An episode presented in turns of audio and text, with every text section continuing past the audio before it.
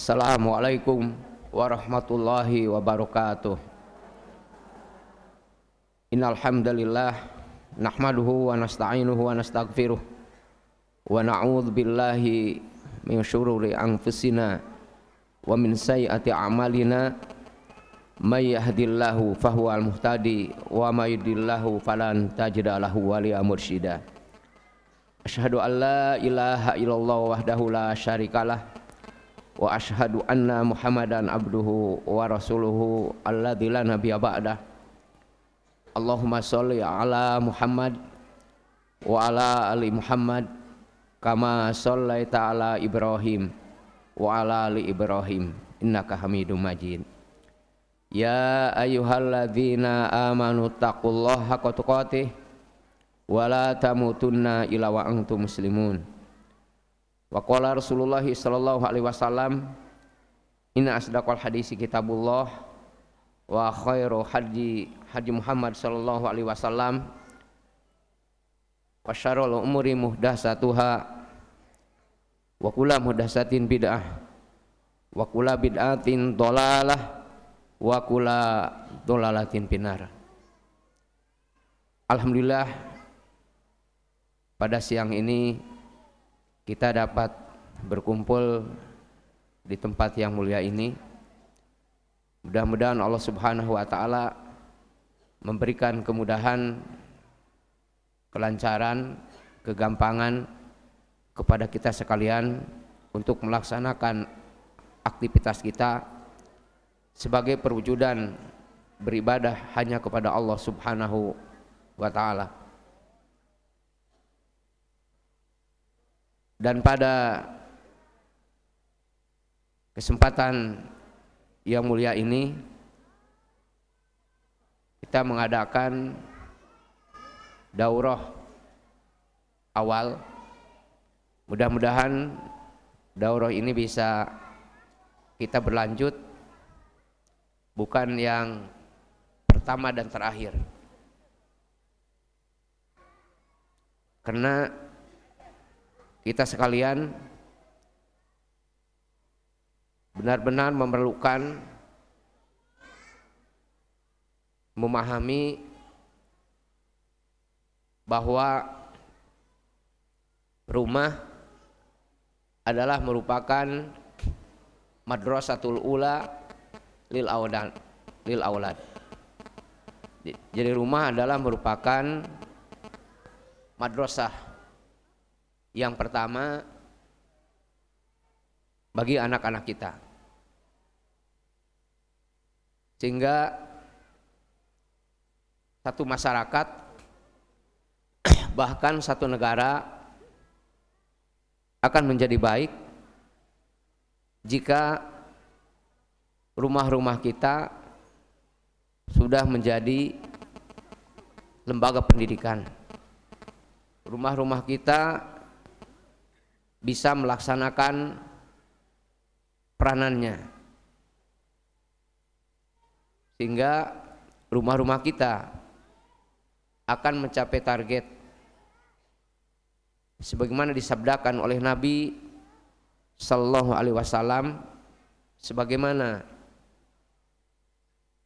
diminta oleh para suami sebagai perwujudan suami yang memiliki tanggung jawab. Di mana seorang suami atau kepala keluarga yang memiliki tanggung jawab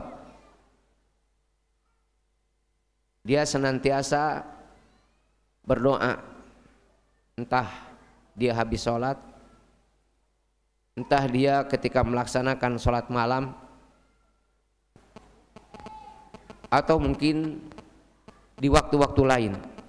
Di waktu-waktu mustajab.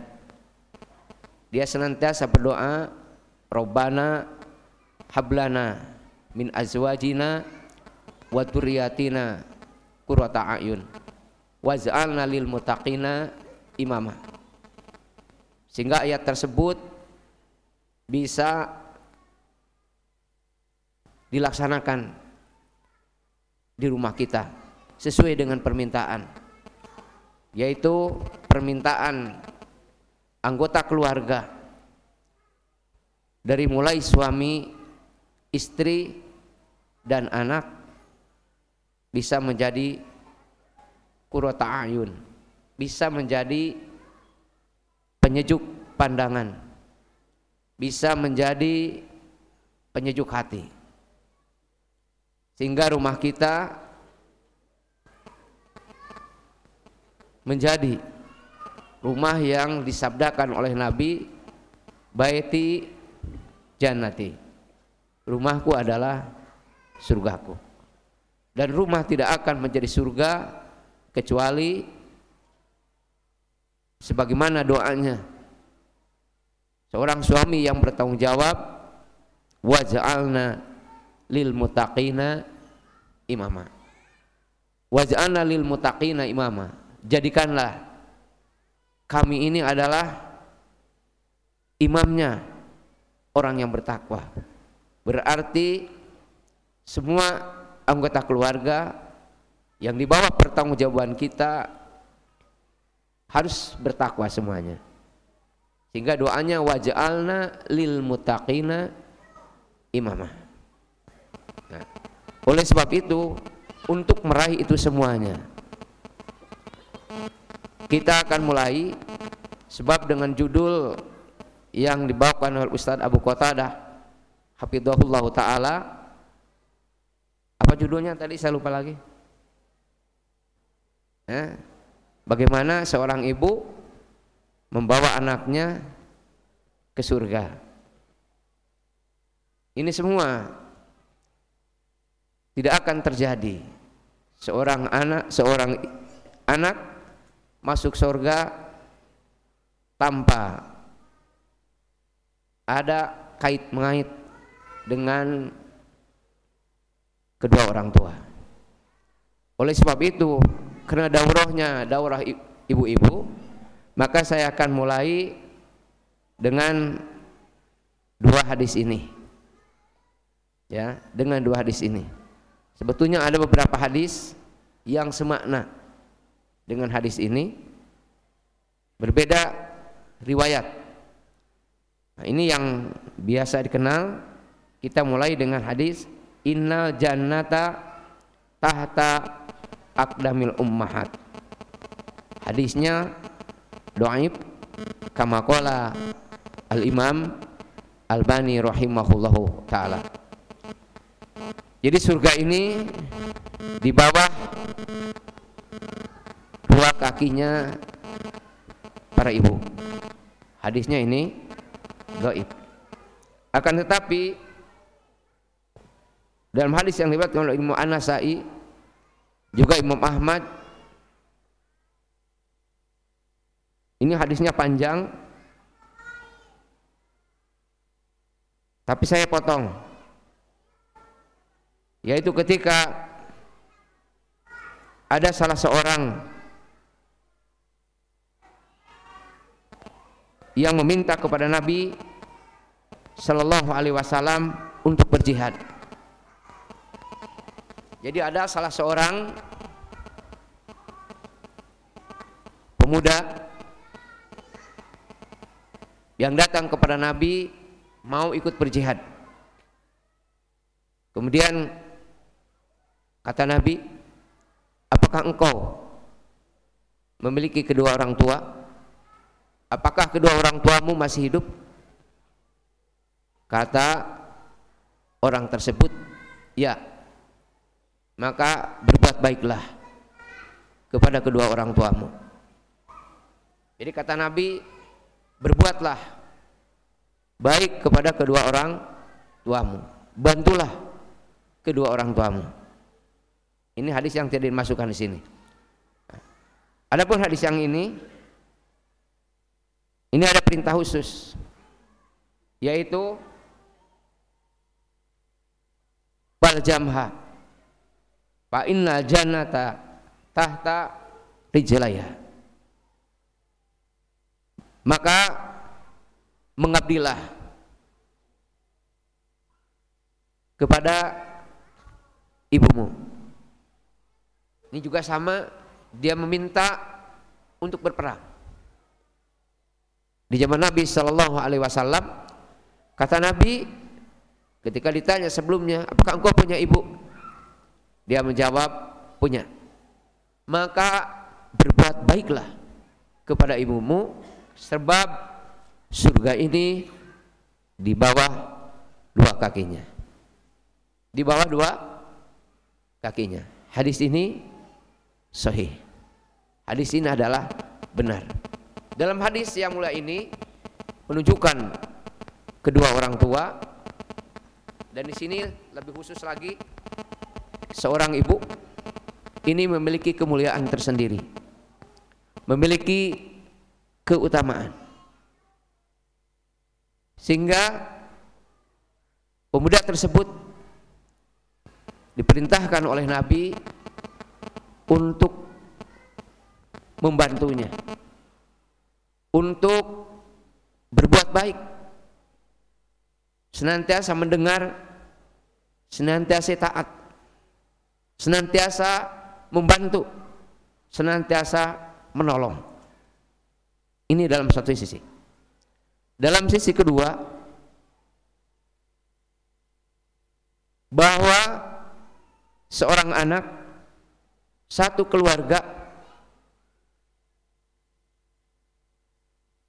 ini akan senantiasa mengikuti jejak kedua kakinya.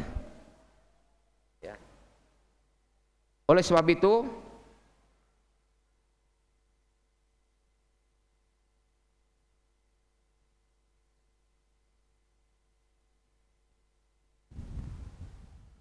Nabi Shallallahu Alaihi Wasallam menghususkan kepada seorang ibu pertanggungjawaban untuk mendidik.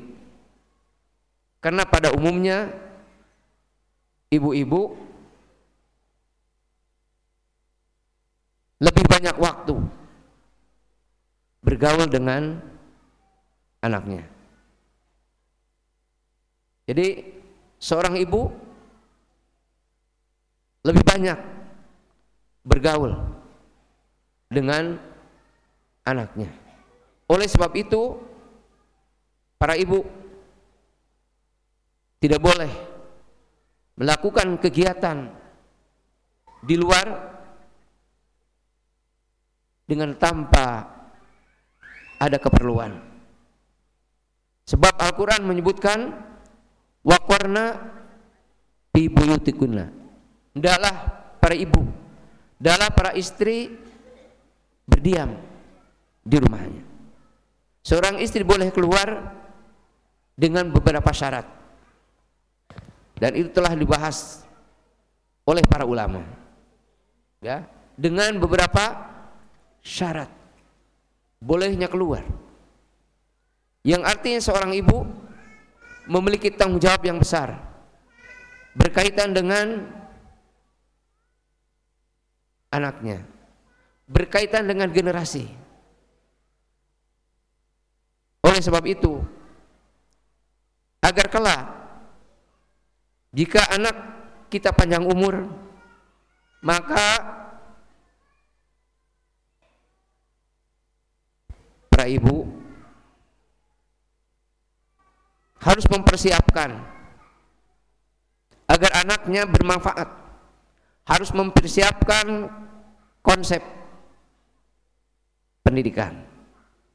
Oleh sebab itu, kita akan mulai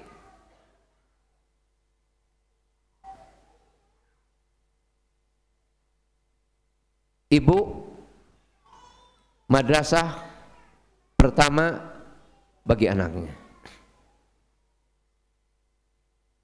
Oleh sebab itu, para ibu. Ya. Baik yang mau nikah ataupun yang telah nikah harus menjadi seorang guru. Jadi semua ibu semua perempuan wajib menjadi seorang guru. Ya. Jadi ibu tidak boleh menjadi ibu kalau tidak siap menjadi seorang pendidik. Kalau tidak siap menjadi seorang pengajar. Ya. Jadi ibu nggak boleh. Artinya ibu nggak boleh nikah. Berarti yang belum ya. Wanita tidak boleh menikah kalau tidak siap menjadi seorang ibu.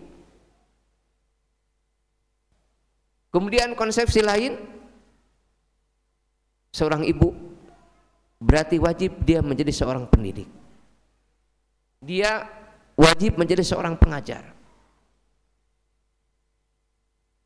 Oleh sebab itu, salah satunya Ma'had Sunnah akan memberikan fasilitas atau memfasilitasi agar ibu-ibu sekarang yang sudah menjadi ibu menjadi seorang guru menjadi seorang pendidik sebab mungkin ada yang nikah bahkan sudah lama nikah belum tahu konsekuensi sebagai seorang ibu.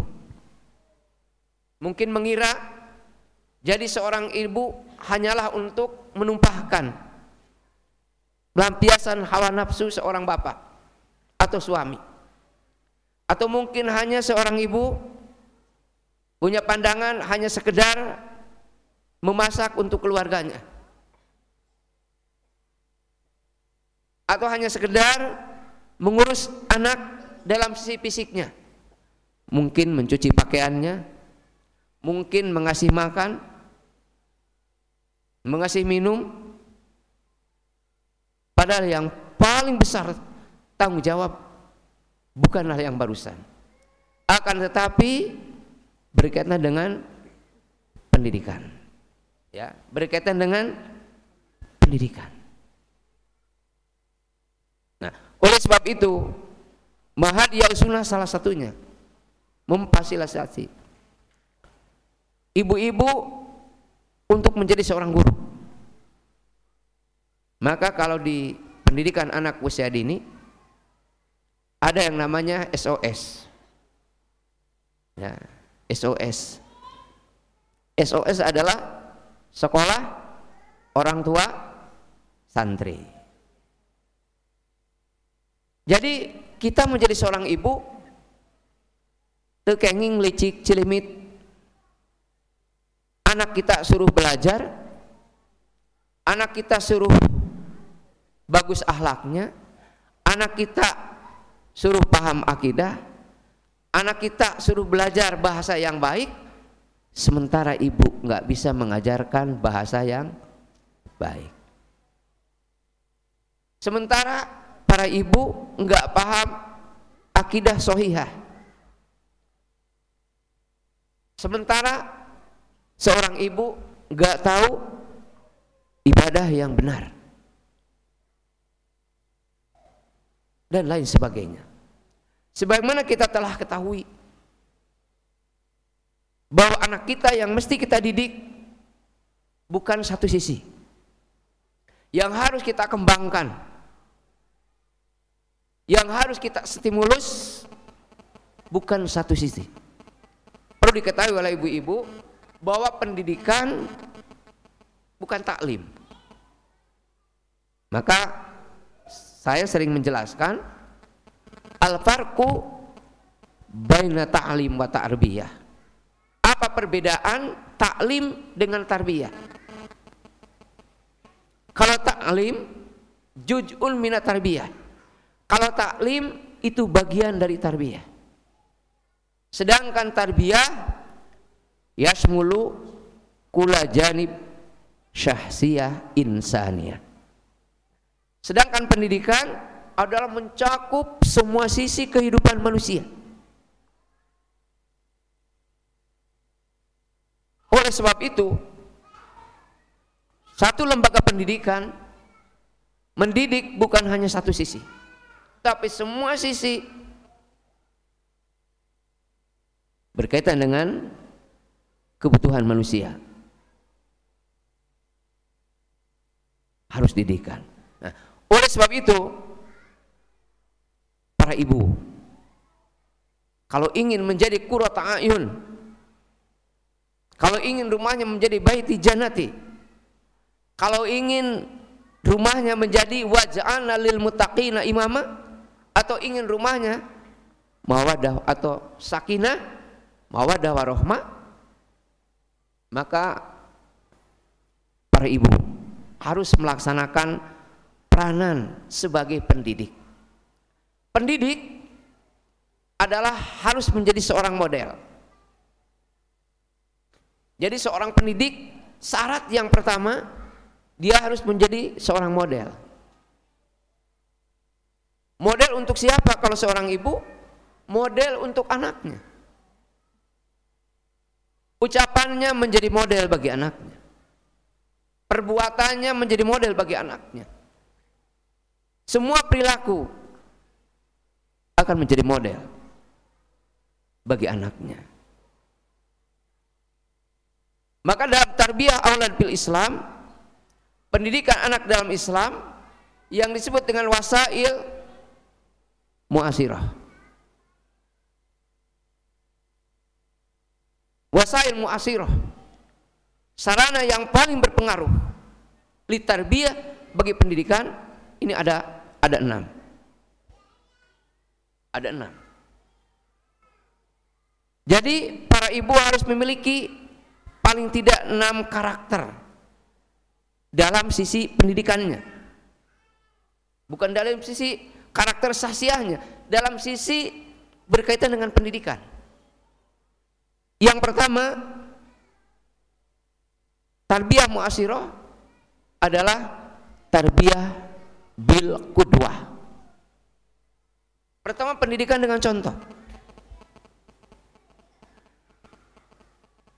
Kenapa penting daurah?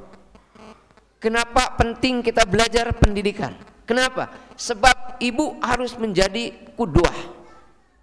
Menjadi contoh. Menjadi teladan. Kalau anak kita harus bangun jam 4, masa ibu bangunnya jam 5? Ya.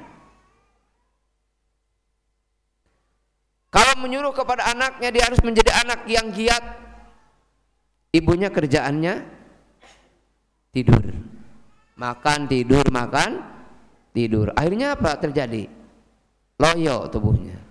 Kebanyakan tidur eh kebanyakan makan akhirnya berkaitan dengan ti tidur. Jadi tarbiyah bil kudwah yang kedua tarbiyah bil adah. Pendidikan dengan kebiasaan. Ya, pendidikan dengan kebiasaan. Sebab akhlak akan dimiliki oleh seseorang, akhlak akan dimiliki oleh anak kita mesti dibiasakan. Karakter akan dimiliki itu dengan kebiasaan terbiasa dilakukan dari sejak kecil. Nah, oleh sebab itu para ibu harus bisa mendesain setelah punya perencanaan di rumah. Rumah ini mesti didesain. Bagaimana kita mendesain rumah menjadi lembaga pendidikan. Sebagaimana yang telah saya jelaskan berkaitan dengan fungsi rumah Rumah yang paling intinya harus dijadikan rumah ini lembaga pen pendidikan. Lembaga pendidikan rumah. Rumah bukan hanya tempat makan minum. Rumah bukan hanya sekedar untuk istirahat. Rumah bukan tempat untuk hubungan suami istri. Tapi rumah harus dijadikan tempat berkumpul, tempat bermusyawarah, tempat mendidik dan banyak yang lainnya. Yang kedua, bila ada dibuat kegiatannya, dibuat programnya agar anak terbiasa dari sejak kecil. Dibiasakan anak kalau mau makan cuci tangan dari sejak kecil dilatih dibiasakan anak jam sekian sudah mandi Dibiasakan anak jam sekian siap-siap untuk bekerja, untuk berangkat. Dibuat programnya. Akan tapi para ibu harus belajar dulu. Yang ketiga, tarbiyah bil mauidhah. Pembinaan dengan nasihat.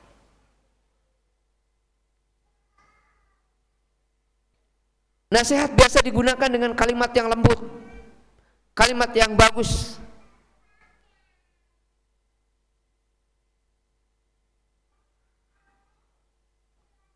Kalimat nasihat, ya bunaya. Al-Quran berbicara seperti itu. Ya bunaya, wahai anakku. Kata orang Tasik, wahai anak king. Ya bunaya. Mau itu nasihat. Oleh sebab itu hasil penelitian orang lain paling tidak anak ini dalam satu masalah perlu 2000 kali diberikan nasihat. Terus diingatkan, bukan dimarahi, bukan dicaci, tapi dinasehati. Nasihat. Sering mengingatkan. Kemudian yang keempat, tarbiyah bil mulahadoh pendidikan dengan perhatian ya pendidikan dengan perhatian diperhatikan anak kita.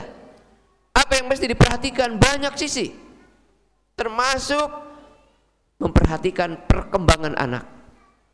Termasuk memperhatikan potensi dan bakat anak. Ada orang tua nggak tahu potensi anaknya. Sehingga menganggap anak ini bagaikan tanah liat. Tahu ibu-ibu tanah liat? Mau dibuat coet mau dibikin gentong mau dibikin mutu mau dibikin apa lagi mau dibikin tempat bakar apa namanya tempat bakar ikan atau apa itu tanah liat bisa dibuat sekendak kita kena benda mati. Sementara anak itu bukan benda mati. Ketika dia lahir, Allah telah memberikan potensi. Ketika lahir, Allah telah memberikan potensi. Innahu kana dhuluman jahula. Manusia termasuk di samping memiliki fitrah, innahu kana dhuluman jahula Bahkan secara umum ketika malaikat mendengar akan menciptakan manusia, malaikat berkata kepada Allah, "Kenapa engkau akan menciptakan manusia yang senantiasa menumpahkan darah, membuat kerusakan di muka bumi?" Apa jawab Allah? Ini alamu mala ta'lamun. Aku lebih tahu. Di balik itu manusia paling sempurna.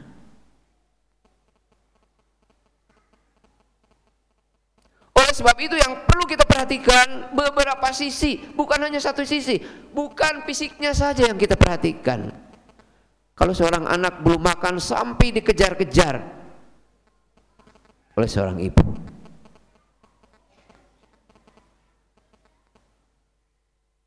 Dari mulai dalam kandungan bahkan dari mulai memilih pasangan. Sebab dalam Islam pendidikan diawali dari memilih pasangan. Kita mah kadang-kadang boro-boro ya. Kadang nikah terpaksa. Nggak punya tujuan. Kadang-kadang nikah karena tekanan ya. Nikah karena tekanan. Atau nikah karena memang hawa nafsu. Kalau seorang laki-laki yang penting cantik. Untung kalau cantiknya kayak palurah. Ya, cantik kayak palurah. Tuh kalau cantik itu harus kayak pak palurah. Dulu zaman dulu ada bapak bupati kunjungan ke desa zaman dulu bukan zaman sekarang ya tolong katanya palurah cariin istri yang cantik Kata Pak Lurah, nggak ada katanya di desa ini nggak ada yang cantik. Masa nggak ada? Iya. Ada juga nggak bakal dikasih. Kenapa? Kan yang paling cantik istri saya katanya. Nah itu mah cantiknya cantik Pak Lurah. Ya. ya. Jadi terjadi pernikahan tidak punya tujuan.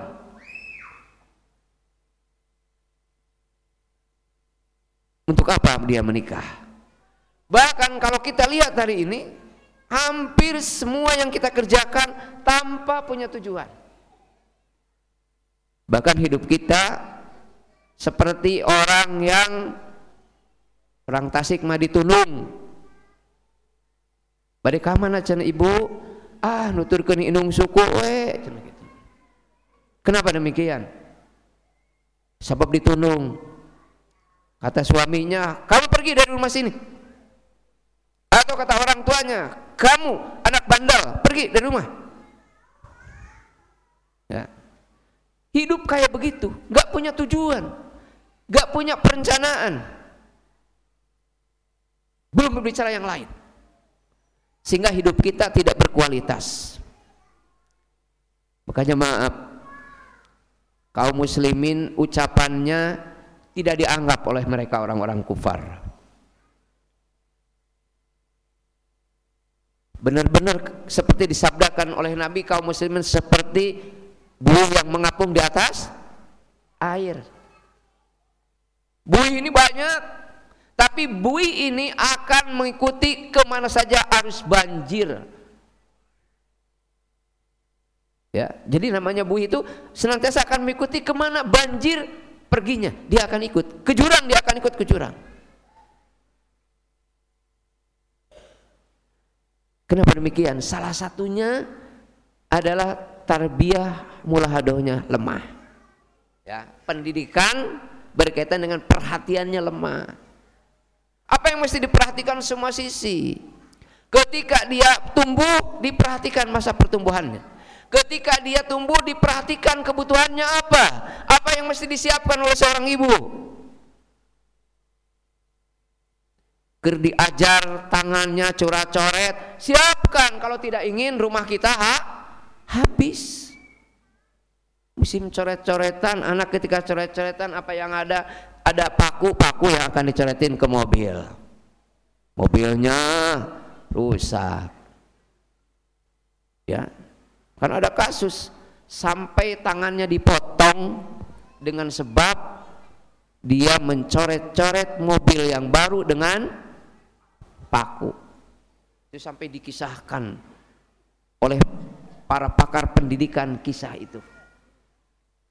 Kenapa terjadi anak demikian? Itu bukan salah anak, kena masanya. Tapi kalau seorang ibu tahu kebutuhan anak, berarti akan menyiapkan paling enggak ibu beli bor. Apa yang kecil itu ya? Beri spidolnya, suruh dia gambar di situ, menggambar apa? Bisa jadi ngegambar ibunya di situ, bisa gabi menggambar bapaknya. Bisa saja menggambar diri dirinya. Jadi kita perhatikan apa kebutuhannya. Ya. Apa kebutuhan? Ketika berkembang butuh pulpen, pensil, siapkan pensil. Butuh kertas, siapkan kertas. Butuh mainan, siapkan mainan. Butuh belajar bahasa, siapkan itu semuanya ya siapkan itu semuanya ya itu mulahado mulahado nanti mulai perhatikan bahasanya. Bukan hanya diperhatikan mulahado di situ perhatian kemudian dibimbing bahasanya dibangun bahasanya dibangun komunikasinya. Sekarang terjadi kehancuran baik rumah tangga, masyarakat dan lain sebagainya. Akibat tidak bisa berkomunikasi salah satunya. Ya, akibat tidak bisa berkomunikasi. Satu rumah tangga bisa berantakan, kenapa? Karena tidak bisa berkomunikasi. Ibu-ibu ngabetem manyun we. Ya. Ya suaminya nggak ngerti apa ini manyun seperti ini. Pokoknya segala gejala gejrik apa jalan ada piring lemparin, ada gelas dipecahin, suaminya bingung. Ada apa ini? Apa bukan kesurupan ini? Ya, kayaknya kesurupan nih. Kenapa kita nggak bicara? Kita diberi mulut oleh Allah Subhanahu wa taala untuk apa? Untuk berkomunikasi. Perhatikan anak kita sehingga dia bisa belajar berkomunikasi yang baik. Jangan begini, karena anak kita tidak biasa terbangun komunikasinya. Ketika dia mau ada temennya bawa makanan, bawa makanan temennya lagi dipegang ini, nah temen makan langsung aja diambil kap, dibalari, dibalari. Maka banyak di, di pendidikan anak wasadini Salah satunya di Mahadiyah Usuna ada anak yang seperti itu. Lihat orang lain kadang-kadang jeprot dipukul. Ya. Lihat orang lain bawa makanan, diembat langsung. Kenapa? Gak diajarkan komunikasi oleh kedua orang tuanya. Padahal kalau diajarkan komunikasi yang baik, Afwan, boleh nggak aku minta? Boleh nggak aku nyoba? Kan begitu. Kalau dibangun. Bukan main embat aja. Nanti kalau dibiarkan seperti itu, tidak dibangun komunikasinya, nanti setiap dia mau akan diambil punya orang lain. Kenapa? Karena tidak dibangun. Tapi kalau dibangun, berkembang bahasanya. Umur sekian berapa kau katanya? Umur sekian mesti berapa? Dia bahasanya dan mesti seperti apa bahasanya dibangun itu yang dimaksud dengan mulahadhah umur tujuh tahun belum bisa sholat tidak diperhatikan oleh ibunya berarti seorang ibu harus bisa mengajarkan sholat karena tujuh tahun anak harus sudah bisa sholat diperintahkan oleh Nabi sholat jika sepuluh tahun tidak maka di, dipukul tapi pukulnya pukul pen pendidikan. Ya. Kemudian yang kelima, keempat apa kelima? Bil hadiah. Tarbiyah bil hadiah. Ya. Pendidikan dengan hadiah. Kata orang lain pakai reward. Jadi, Bu, kalau ibu anaknya sukses, ucapkan sukses salam salam oh nek nak berhasil oh nak the best itu membuat anak semangat ketika dia sukses ketika dia gagal belum bisa katakan terus nak coba lagi pasti bisa pasti bisa sebab manjada wajada Barang siapa yang sungguh-sungguh, dia akan mendapatkan. Diberi motivasi. Jangan ketika anak kita gagal, dibilang, oh dasar kamu, dasar kamu bodoh, dasar kamu tolol, dasar kamu malas. Tuh, gagal kamu. Nah, kalau anak balikin tanya kepada kita, kira-kira gimana? Kata anak, Umi, abang ini anak siapa? Oh anak Umi, berarti yang gagal itu anak siapa? Anak Umi, bukan anak tetangga. Ya, bukan anak tetangga, anak Umi yang gagal itu. Ya. Nah, maka pendidikan ada dengan hadiah. Supaya apa? Untuk meningkatkan semangat. Hadiah nggak mesti dengan materi, dengan ucapan. Ucapan yang berikan semangat. Selamat kalau dia bisa mengerjakan sesuatu, coba ayah sama Umi mau ngedenger nih. Coba Umi mau ngedenger amayata sa'alun. Nah, waktu semangat ke sepalun. Pas selesai, wah, Umi kasih hadiah. Sukses, kasih hadiah. Harus sering kita ngasih hadiah seperti itu. Kemudian yang terakhir, pendidikan ini adalah tarbiyah bil ukubah pendidikan dengan ukubah sesuai dengan tingkatan sesuai dengan perkembangan nah.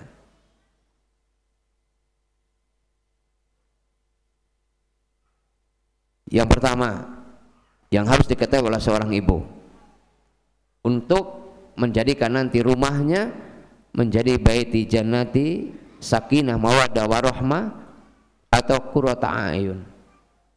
Pertama, ibu harus mengetahui otak bayi manusia waktu lahir berbeda dengan otak bayi binatang. Ya. Kenapa demikian? Otak bayi binatang yang baru lahir sudah mempunyai sambungan-sambungan antar sel otaknya. Sedangkan bayi binatang sudah memiliki kemampuan dasar untuk keberlangsungan hidupnya. Jadi kalau binatang bu lahir saraf-saraf otaknya sudah disambungkan. Sehingga secara kemampuan dasar ya dia sudah bisa untuk hidup sendiri. Coba kalau kita lihat ikan penyu baru menetas, dia langsung bisa ngojai, cari makanan sendiri. Sekarang binatang ini misalnya uh, sapi, kerbau, pemanya, udah udah lahir dijilat-jilat sama induknya langsung bisa netek sendiri.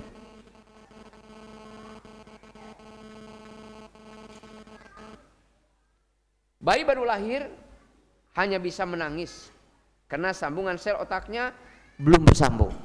Nah, kalau manusia ketika lahir ke alam dunia ya, sel-sel otaknya belum bersambung. Ya. Belum bersambung. Dia baru diberi kemampuan menangis. Ya, baru kemampuan menangis. Untuk dapat membuat sambungan sel otak, ya, untuk dapat membuat sambungan sel otak tersebut, kita perlu mempelajari sedikit tentang otak manusia. Sebab mau tidak mau kan ada begini, ya, ada istilah kamu mah mikirnya ku dengkul, cina gitunya. Ayah gitu bu, dasar cina kamu mah mikirnya ku dengkul, atana piku sampean jana gitu kan nah berarti seorang ibu siapa pun yang mau mengajar sedikit paling enggak harus tahu kerja otak. Kenapa? Sebab yang namanya belajar pasti melalui otak enggak melalui sampeannya diajar mah. Pertamanya melalui otak.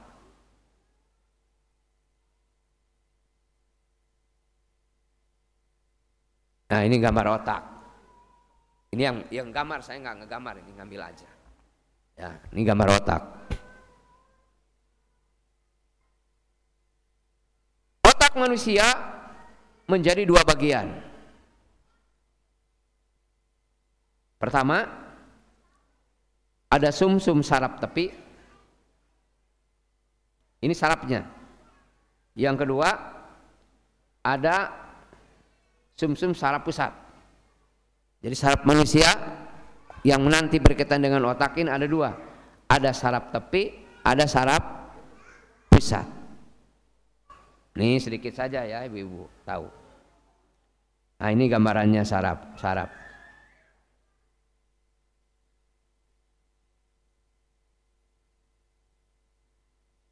Susunan saraf tepi terdiri dari dua ini susunan saraf tapi terdiri dari dua.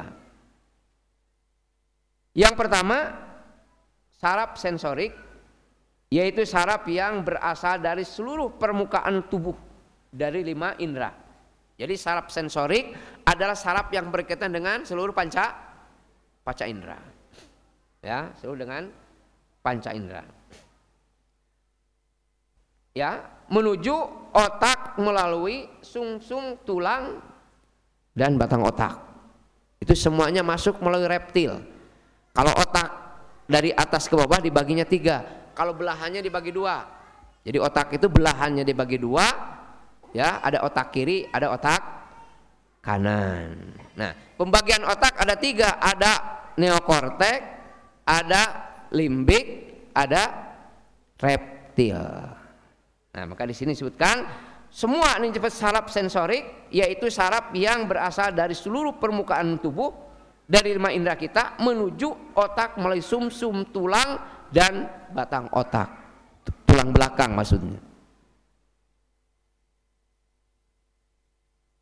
Yang kedua saraf motorik yaitu saraf yang berfungsi membawa perintah dari otak dan sumsum -sum tulang ke ujung ujung saraf pada otot untuk gerak.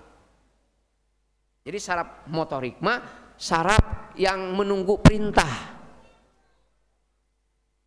Ya, pokoknya melalui otot maka katingali kelihatan kalau orang lagi marah nggak bisa dibunyi, disembunyikan sebab otot ototnya akan bekerja sesuai perintah. Amak cara maneh berem kadiana. Kalau kena ke otot tangan apa yang terjadi? Tenggel, tenggel. Otot namanya. Bagaimana perintah dari sini? Tendang, tendang, bergerak ototnya. Apa? Saraf motorik yaitu saraf yang berfungsi membawa perintah dari otak dan sumsum tulang ke ujung-ujung saraf pada otot untuk gerak. Nah ini kalau mau mendidik ini harus kepaham dulu. Sebab kalau begitu ya seperti sekarang hanya mindahkan dari buku ke telinga anak atau hanya mindahkan buku ke bor? Hasilnya atung eneh atung atung eneh ya jadi hasilnya atung eneh atung atung eneh ya. susunan saraf ya saraf pusat. Terdiri dari sumsum -sum tulang batang otak otak kecil otak bagian tengah termasuk limbik dan otak pusat berpikir yang disebut dengan cerebrum atau neokortek ya neokortek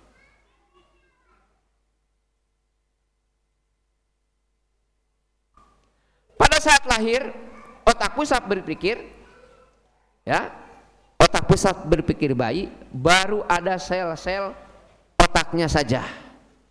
Jadi sudah lengkap semuanya ketika lahir sudah lengkap semuanya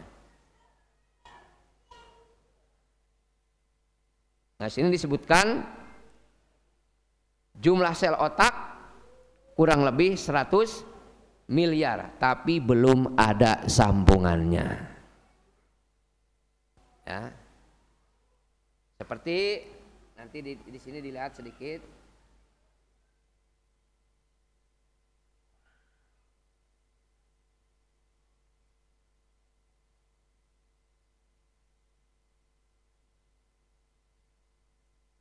Nah, kurang ke atas ya. Kelihatan nggak ibu-ibu? Nah ini aja itulah. nah, kemudian umur sekian. Nah, yang seperti ini nih. Asalnya satu ini nih, begini aja. Yang pertama nih. Terus bekilah beki nyambung jika eta. Asalnya satu-satu ngaramai kita. Lama-lama jadi nyambung. Ini kembali lagi.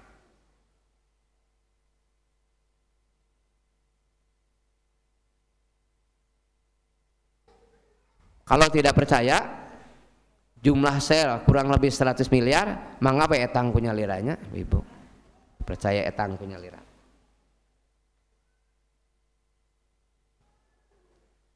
Pada anak usia 0 sampai 3 tahun, eh sampai 2 tahun, terjadi proses penyambungan awal sel otak. Nah ini perhatikan dulu ya. Jadi pada anak usia 0 sampai 2 tahun terjadi proses penyambungan awal sel anak. Ini kita berbicara nanti bagaimana anak kita agar menjadi anak yang cerdas, anak yang bermanfaat bukan hanya untuk dirinya, bukan hanya untuk keluarganya, tapi manfaat bagi masyarakat, manfaat bagi negara, bahkan lebih hebatnya bagi dunia internasional.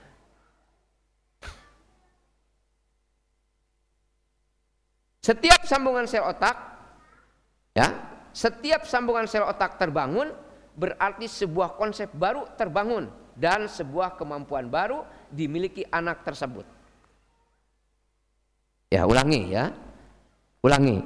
Jadi sambungan sel otak terbangun berarti sebuah konsep baru terbangun dan sebuah kemampuan baru dimiliki oleh anak. Kalau apa Ibu Yuli menjelaskan apa yang disebut dengan seven essential life skill itu ada yang disebut dengan making connection ya. Making connection. Otak otak nate tersambung. Nah agar otak menjadi rimbun juga tadi juga hutan rimbun nyarambung ini semua Nanti kita akan jelaskan bagaimana supaya bisa nyarambung. Sebab kalau nyambung berarti itu connect. Tidak seperti komputer, laptop ketika kita mengelik sesuatu karena apa? Kurang internetnya ketika diklik teh. Loading, muter. Sebab apa? Isinya, RAM-nya atau dan lain sebagainya ini kurang sedikit sehingga apabila dibutuhkan cepat tidak bisa. Loading aja. Nanti kita pun begitu ketika ada masalah yang perlu dijawab, lambat. Lambat. Wah, bingung malah. Nanya ke sini, nanya ke sana. Enggak connect yang di sininya. Ketika ada orang menghina, dasar kamu mah begini begini begini dan lain sebagainya, kita nggak bisa menjawab karena di sini nggak connect. Akhirnya apa? Nangis, sedih. Akhirnya apa? Jadi sakit. Ke sana jadi apa? Stres. Tidak bisa jawab. Kenapa? Tidak connect, tidak nyambung saraf-sarafnya. Nah, kita perhatikan. Pada anak usia 0 sampai 2 tahun terjadi proses penyambungan awal sel otak. Nah, setiap sambungan sel otak terbangun berarti sebuah konsep baru terbangun. Setiap sel otak tersambung maka akan terjadi sebuah konsep baru. Ya, sebuah konsep baru dan akan adanya kemampuan baru bagi siapa? Bagi siapa saja yang yang itunya bersambung.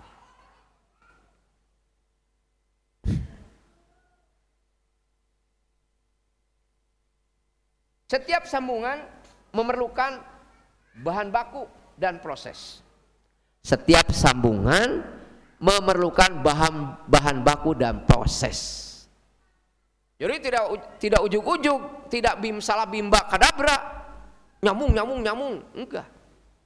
Maka di sini disebutkan setiap sambungan memerlukan bahan baku dan proses. Apa? Bahan-bahan di sini adalah bersumber dari makanan. Sedangkan proses adalah semua interaksi orang tua orang-orang yang ada di sekitar ya maupun lingkungan yang kontak dengan bayi tersebut. Jadi bahan baku itu ada ada dua ya. Bahan baku dan proses untuk menyambungkan itu. Ya. Disebutkan bahan-bahan di sini adalah bersumber dari makanan. Sedangkan proses adalah semua interaksi orang tua orang-orang yang ada di sekitarnya ya. Kemudian lingkungan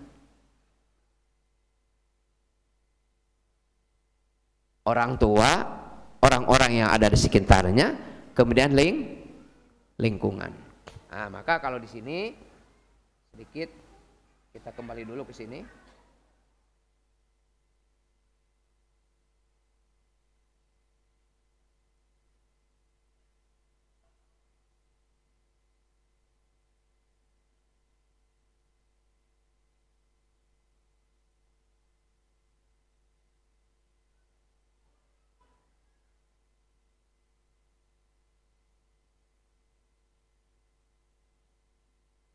Nah ini yang tadi ya, struktur otak yang rimbun seperti hutan yang sangat padat dengan pepohonan. Jadi kalau sudah sering interaksi, Ya. Baik dengan ibu atau bapak, baik dengan orang-orang yang ada di sekitar, ah bisa terjadi seperti ini.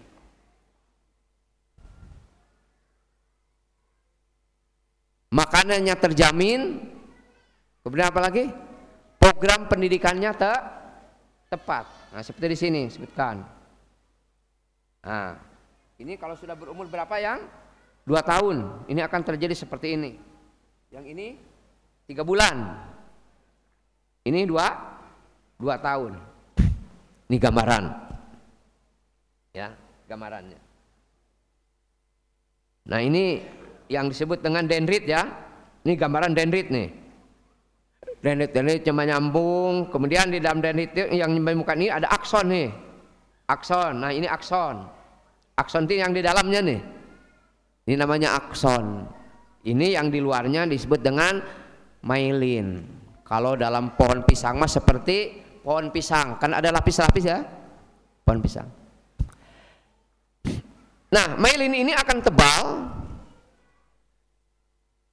dengan dua. Pertama dengan gizi atau nutrisi. Yang kedua dengan program.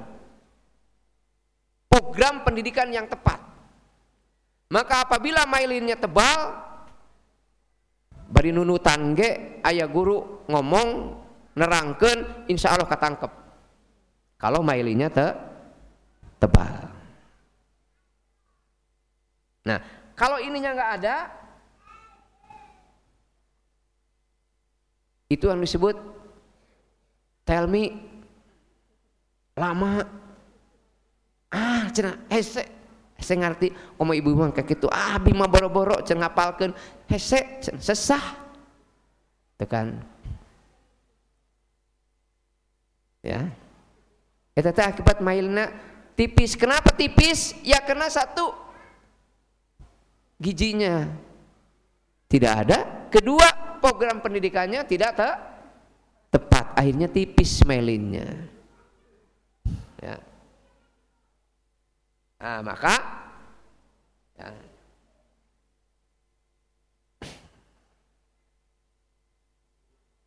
nah. Nah ini aja. Rangkaian otak. Karena jelaskan otak dulu ya. Ya. Jadi satu otak embrio menghasilkan neuron atau sel saraf. Neuron yang bertahan mengeluarkan akson sambungan transmisi jarak jauh ya sistem saraf. Di ujungnya akson mengeluarkan cabang bercabang ya sebagai penghubung sementara dengan banyak sasaran. Semburan spontan kegiatan listrik ya memperkuat beberapa sambungan ini. Sementara lainnya sambungan yang tidak diperlukan ya oleh kegiatan ayam apaan? Yang tidak diperkuat oleh kegiatan mengalami atrofi atau menyusut sampai kepada lenyap. Jadi anu 100 miliar tadi sekarang dia tinggal nyamungkan lain kalkah nyamung? Kalakah? Mati. Mati. Kenapa? Tidak ada kegiatan. Tidak ada stimulus. Jadi nggak nyambung. Melinnya tipis nggak nyambung akhirnya ngalu lapes lamun dina iya mah mulai lamun dina pohon mah apa? Menguning menguning akhirnya jatuh. Ya. nah. sesudah kelahiran otak mengalami lonjakan pertumbuhan kedua. Akson yang mengirim sinyal dan dendrit yang menerima sinyal mengadakan banyak sekali sambungan baru. Kegiatan listrik yang dipacu oleh banjir pengalaman indera memperhalus peruntaian otak menentukan sambungan mana yang akan dipertahankan, mana yang akan dipang dipangkas. Konsep holistic brain. Ya, jadi otak kiri, otak kanan seimbang. Emosi positif, suasana menyenangkan. Nah, seperti tadi yang sudah sedikit dijelaskan. Nah, penjelasan kualitas otak. Banyaknya cabang dendrit Semakin banyak cabang, semakin tinggi kemampuannya untuk menerima sinap. Banyaknya sinap atau hubungan dengan otak lain, semakin banyak sinap yang terjalin, semakin kompleks kemampuan berpikir. Kualitas melinisasi akson semakin bagus kualitas myelin pada akson semakin cepat arus informasi disalurkan. Jadi kalau ingin mudah informasi yang masuk baik melalui mata, melalui telinga, melalui kinestetik kita akan mudah diserap, mudah diambil, ya. Ketiga hal tersebut ditentukan oleh satu pola asuh yang baik, kayak rangsangan pendidikan. Nah, jadi ibu harus tahu apa itu pola asuh. Ya, tahu apa itu pola pola asuh yang baik. Ya. Itu, satu itu. Pola asuh yang baik. Kaya rangsangan pendidikan. Kedua, tercukupnya kebutuhan gizi anak.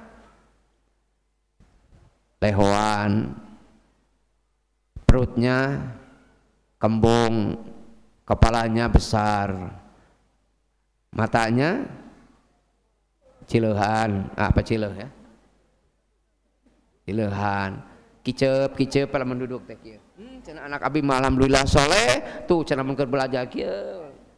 Belum kicep kicep belum tentu soleh bu. Anak yang kicep kicep seperti itu. Tubuhnya kurang gerak. Kicep kicep nu alhamdulillah cina udah murang kali abi macana soleh. Tarakama mana? Di bumi we. Belum tentu soleh. Ya. Dan nomor tiga, terjaganya anak dari stres dan berbagai penyakit.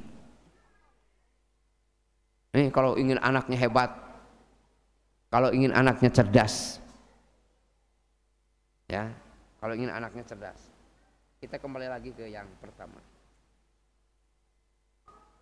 Nah, jadi bahan-bahan di sini adalah bersumber dari makanan, sedangkan proses adalah semua interaksi orang tua. Berarti ini berkaitan dengan pen pendidikan. Pendidikan itu baik di rumah, di lembaga pendidikan atau di lingkungan. Biah. Biah itu ada dua, ada biah solihah, ada biah sayiah. Jadi ada lingkungan yang baik, ada lingkungan yang buruk. Jangan dikira itu akan berikan pengaruh yang sangat besar terhadap pendidikan anak. Maka kalau ibu mau buat rumah, kalau ibu mau kontrak jadi kontraktor, lihat dulu lingkungannya, jangan asal murah. Ya, asal murah tapi ternyata anak kita menjadi hancur. Lihat dulu lingkungan. Sebab lingkungan akan berikan pengaruh termasuk besar terhadap pendidikan. Ya.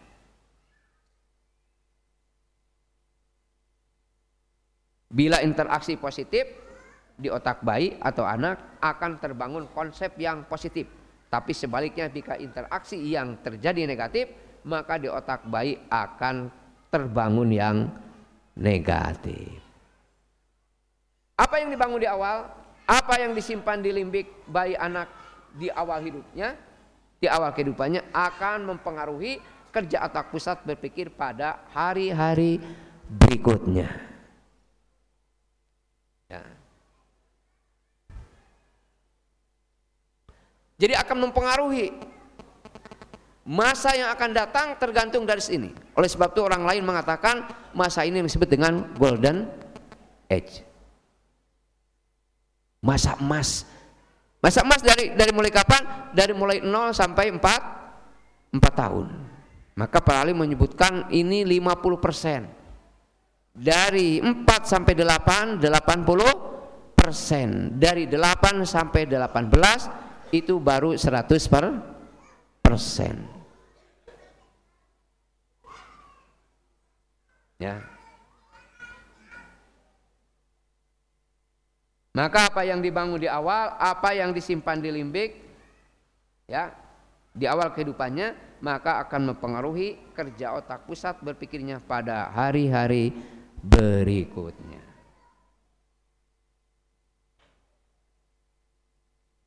Tahap perkembangan membangun sel otak, ya, sel otak anak bisa kita umpamakan.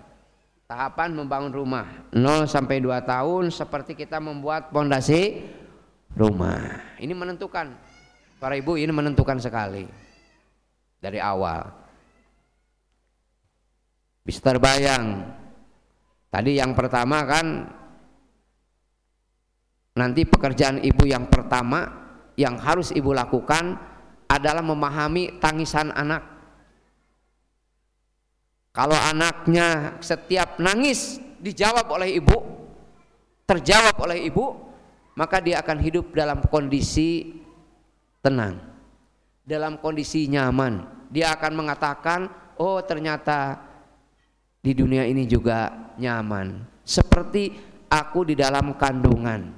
Sebab di dalam kandungan Allah memberikan serba otomatis, dia nggak mesti minta makan, langsung dikasih makan tapi setelah ke dunia lahir karena serba otomatisnya dicabut.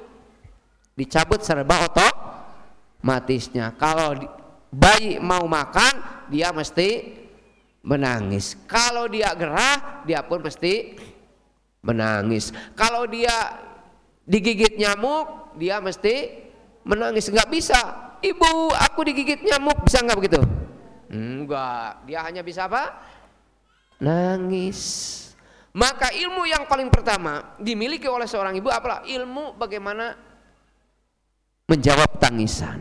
Tahu tangisan pertama dengan kedua, kedua dengan ketiga, ketiga dengan keempat mungkin tidak sama tangisannya. Seorang anak nangis. Makanya ketika umur 40 hari seorang ibu diberi keistimewaan ya tidak melayani suaminya. Kurang lebih 40 hari nggak usah melayani suaminya. Tapi lebih fokus ya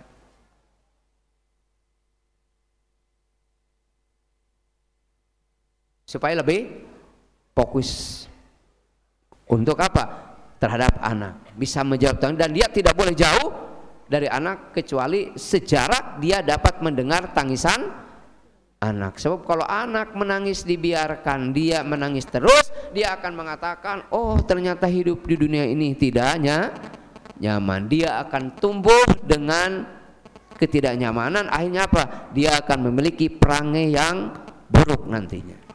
Memiliki perangai yang buruk, kemudian yang paling penting dia tidak akan memiliki yang namanya empati. Dia tidak akan bisa merasakan apa yang dirasakan orang orang. Dia akan menjadi manusia yang egois. Ya tidak peduli kepada orang lain. Sebab apa? Aku pun tidak dipedulikan oleh ibuku. Nah, nah maka 0 sampai 2 2 sampai 7 seperti membuat struktur rumah di atas pondasi kemudian 7 sampai 11 membangun dinding dan atap 11 sampai 18 ya tahap penyelesaian sebuah rumah seperti jendela kunci-kunci cat atau seberapa lengkap tergantung finishingnya. Mau interiornya seperti bagaimana dan lain sebagainya mau indah seperti apa nah, nanti finishing setelah diawali dengan apa? Dengan buat pon fondasi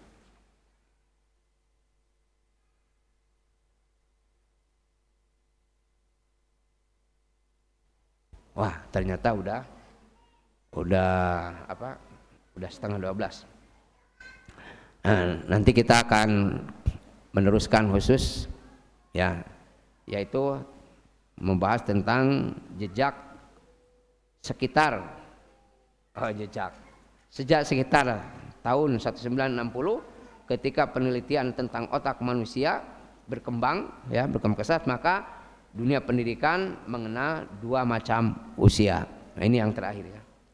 Pertama usia kronologis usia dengan bertambahnya umur.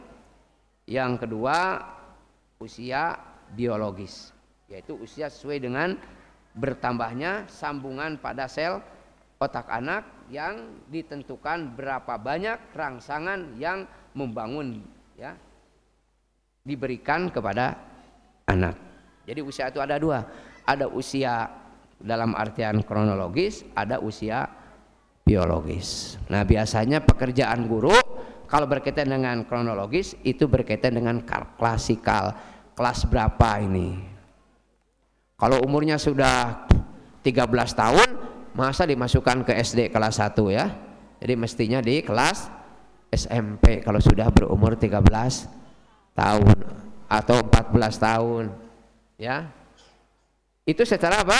Secara kronologis. Adapun secara biologis mungkin saja umurnya sudah 13 tahun tapi dimasukkan di sekolah Pak Pak kenapa? Sebab perkembangannya masih banyak yang bolong-bolong.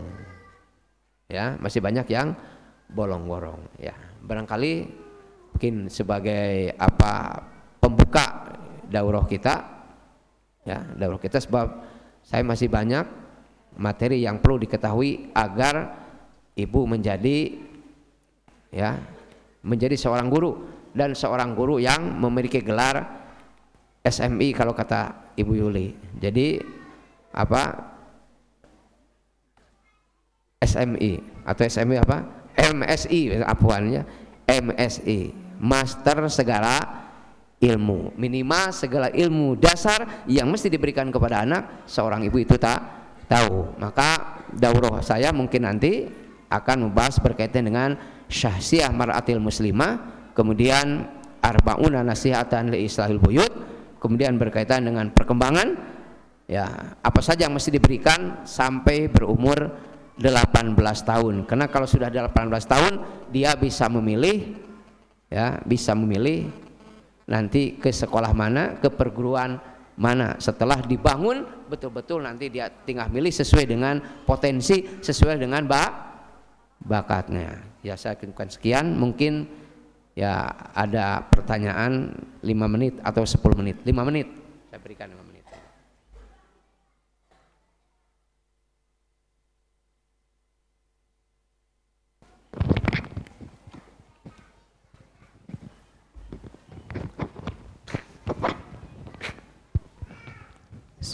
Bismillahirrahmanirrahim.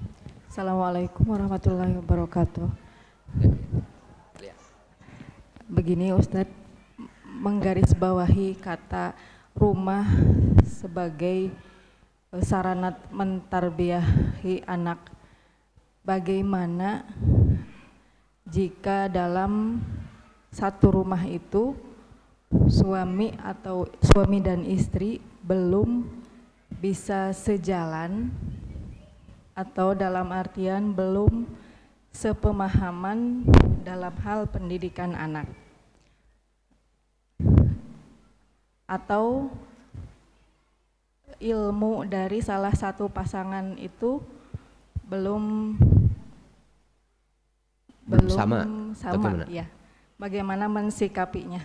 Sedangkan eh, anak-anak e, kita itu e, melihat atau mencontoh orang tuanya itu apa yang semestinya kita ucapkan kepada anak jika pasangan kita bertindak sesuatu hal yang eh, di luar eh, yang disyariatkan. Misalnya maghrib eh, ke anak nyuruh ke masjid tapi pasangan kita eh, tidak begitu. Bagaimana komunikasinya?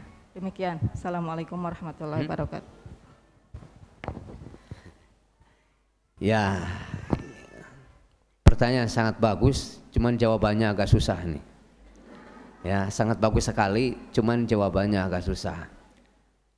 Panjang harus dijawabnya, ya karena berhasilnya satu pendidikan ini harus sinergi. Di rumah berarti harus sinergi antara ayah dan ibu, karena kita mesti satu pola asuh. Kalau tidak satu pola asuh ini akan terjadi masalah bagi anak kita. Yang kedua, sekolah juga harus sinergi ya antara rumah. Tadi rumah berarti yang berdua harus sinergi, kemudian dengan sekolah pilihan kita pun harus sinergi. Nah, apabila terjadi kesinergian dua, insya Allah pendidikan kita akan berkualitas. Pendidikan kita akan berhasil sehingga pendidikan kita bukan hanya keberhasilan dalam sisi kognitif dalam sisi hanya bisa menjawab soal. Dan insya Allah nanti akan saya jelaskan apa yang dimaksud dengan kecerdasan. Sebab intinya kita mendidik anak agar anak kita menjadi cerdas. Kenapa kita mendidik anak? Agar anak memiliki yang disebut dengan life skill ya memiliki kecakapan hidup. Gambaran kecakapan hidup sedikit ya. Nabi SAW bersabda ajaban li amril mu'min. Menakjubkan urusan orang mukmin. Dan tidak ada yang memiliki kata Nabi kecuali orang mukmin. Apabila dia in asobau sarrau syakaro fakana khairan lah wa in asobau asobahu ad-dara sabara wa kana khairan lah. Jadi menakjubkan urusan mukmin. Inna amrohu kullahu kullahu khair. Urusan kaum mukmin itu semuanya hebat. Khair bagus. Jika dia ditimpa keleluasaan kelapangan kenikmatan apa yang dia kerjakan? Dia bersyukur kepada Allah Subhanahu wa taala jika dia ditimpa sesuatu yang kesempitan malapetaka ujian dan lain sebagainya apa yang dia kerjakan? Sabar. Itu namanya orang cerdas. Itu namanya orang cakap hidup hidupnya. Kenapa anak kita dididik agar bisa begitu? Nah, sehingga waqala ahadu solihin al waktu arba'ah berkata salah seorang yang soleh bahwa waktu itu ada empat ya waktu itu ada empat kata beliau waktu yang pertama adalah waktu baliyah atau musibah waktu ketika orang kena musibah yang kedua waktu ta'ah, waktu ketika orang itu ta'ah. Yang ketiga waktu maksiat, waktu ketika maksiat. Yang keempat adalah waktu nikmat. Ya, jadi waktu itu ada empat. Ada waktu ketika musibah, ada waktu ketika taat, ada waktu ketika maksiat, ada waktu ketika apa yang terakhir tadi? Nikmat. Nah, seorang muslim dididik diajar oleh kita agar bisa menjawab empat waktu. Sehingga apabila bisa menjawab waktu itulah orang yang disebut dengan harison alal waktu. Dia mampu menjaga waktunya. Sehingga ketika datang kepada Allah dia akan mendapat timbangan yang sangat besar di sisi Allah Subhanahu. Ini orang cerdas. Maka Nabi menyebutkan orang cerdas adalah mandana nafsahu wa amila lima ba'dahul maut. Kata Nabi orang yang cerdas adalah orang bisa mengendalikan dirinya. Dia bisa mengendalikan dirinya bisa memotivasi, memotivasi dirinya, bisa menghisap dirinya. Ini orang cerdas. Kemudian apa orang cerdas? Orang yang persiapkan untuk kematiannya. Itu orang cerdas. Makanya orang cerdas itu ketika dia mendapat musibah, dia bersabar. Ketika dia mendapat nikmat, dia bersyukur. Ketika dia taat, dia bergembira. Ibu-ibu bisa datang ke tempat taklim, gembira sekali gembira betul-betul. Ketika ibu bisa sholat malam gembira. Ketika ibu bisa membantu orang lain, bisa membantu tetangga, bisa membantu orang membutuhkan, bisa membantu saudara kita ada di mana? Di Burma. Gembira kita bisa. Ketika kita bisa mendoakannya, gembira kita ini. Kemudian yang terakhir, ketika maksiat, jangan putus asa. Ketika kita maksiat, jangan putus asa. Apa yang mesti kita kerjakan ketika maksiat? Bertobat, istighfar, tobat. Maka ajaban li amir mu'min. Inna amrahu kullahu khairun. Nah, maka panjang ya. Kalau tadi bagaimana apa yang mesti dilakukan? Ibu berarti cari waktu kemudian untuk apa? Untuk bicara dengan cara yang baik, dengan cara yang bagus sambil terus berdoa agar suaminya ya, agar suami kita satu pola dengan kita yaitu dengan cara ya tentu harus taklim.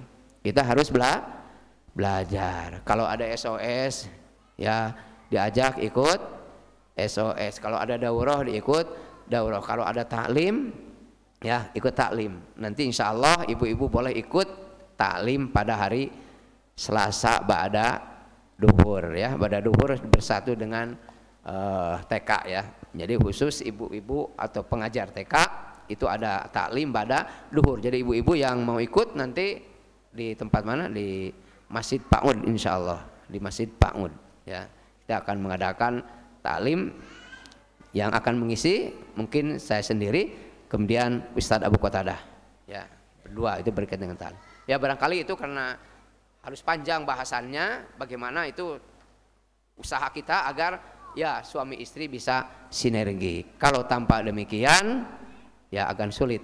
Kita akan menghasilkan anak yang betul-betul berkualitas.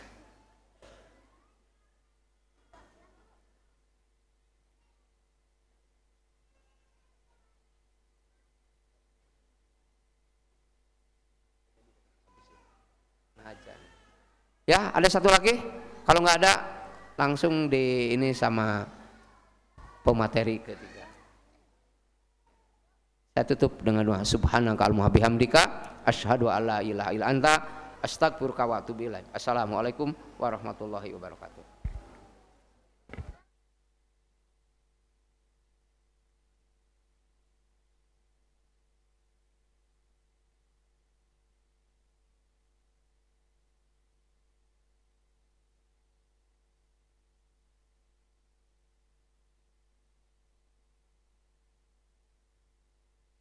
Riyadul Jannah 104,5 FM Lil muslimina wal muslimat. Radio Kajian Islam dan Tilawah Al-Quran.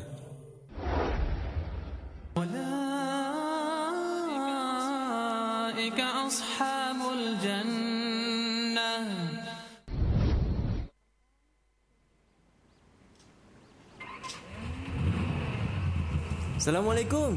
Waalaikumsalam warahmatullahi Wah, pagi-pagi mau ke mana nih? Biasa pak, sudah persiapan untuk jadwal hari ini Oh, ngomong-ngomong, nanti sore jadi kan kita kajian? Aduh, kayaknya gak bisa pak Soalnya jadwalnya sudah padat hari ini